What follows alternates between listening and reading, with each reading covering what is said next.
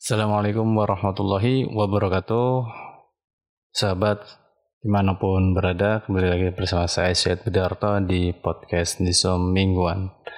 Nah pada kesempatan kali ini Saya akan membahas salah satu sosok pejuang Islam ya di tanah Libya sana Yaitu Omar Mokhtar Mungkin di telinga kebanyakan mayoritas orang Indonesia masih asing ya untuk pahlawan ini. Omar Mokhtar atau nama lengkapnya Omar Mokhtar Muhammad bin Farhad Bredan lahir 20 Agustus tahun 1858 dan meninggal tanggal 16 September 1931. Nah, beliau ini dikenal uh, oleh penjajah Italia itu sebagai Matari Menifa adalah pemimpin perjuangan rakyat di Libya Timur di bawah Senussi yang melawan penjajahan Italia atas Libya.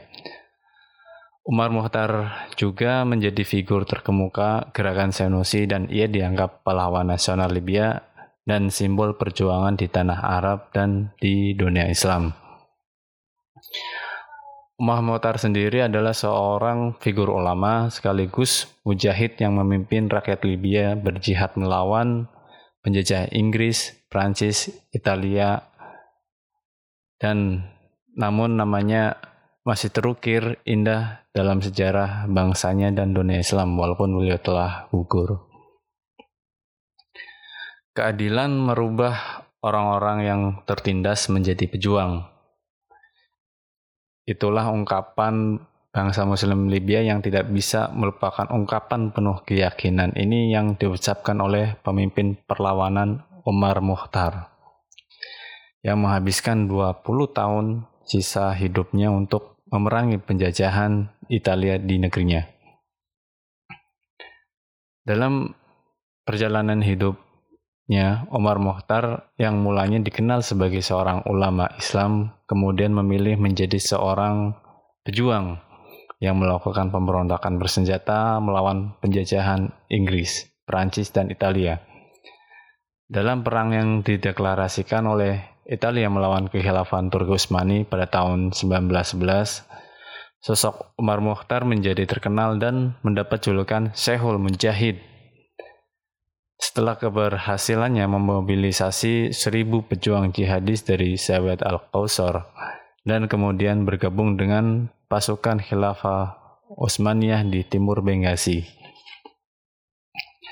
Pada tanggal 11 September 1931, selama pertempuran berlangsung melawan pasukan kavaleri Italia, kedua pasukan Muhtar dilaporkan terbunuh Demikian menurut saksi mata orang-orang Libya. Setelah salah satu anggota pasukan Umar Muhtar meninggal memanggilnya dengan panggilan Sidi Omar di tengah panasnya pertempuran, akhirnya identitas Omar Muhtar bisa dengan mudah diketahui oleh pasukan penjajah Italia yang kemudian menangkapnya. Setelah ditangkap, uh, Syekh Omar Muhtar ini kemudian disidang oleh orang-orang Italia. Nah, orang-orang Italia ini menawarkan Umar Muhtar akan kebebasan dari hukuman mati dengan syarat bahwa ia harus meletakkan senjata dan menghentikan perlawanan untuk menyerukan kepada pasukan mujahid. Menyikapi tawaran ini, Umar Muhtar sendiri membuat pernyataan yang terkenal seperti ini. Jari telunjuk saya yang menyaksikan di setiap sholat bahwa tidak ada Tuhan yang berhak disembah selain Allah dan Nabi Muhammad utusan Allah tidak mampu menulis satu kata pun untuk berdusta, kami akan menang atau mati. Nah, pada tanggal 16 September 1931 di Solok terletak 50 km dari selatan Benghazi Umar Muhtar dibawa ke panggung eksekusi tiang gantungnya. Ia menghadapi hukuman mati tersebut dengan membaca kalimat syahadat dan disaksikan oleh 20 ribu orang di Libya yang berkumpul menyaksikan kepergian sang pemimpin besar untuk selamanya.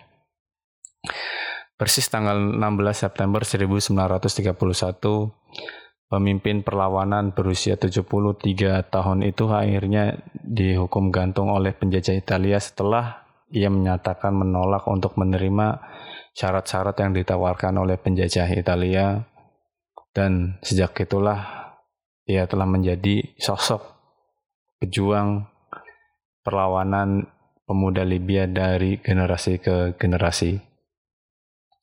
Apa sih yang dapat kita ambil dari sosok pejuang mujahid Syekh Omar Muhtar ini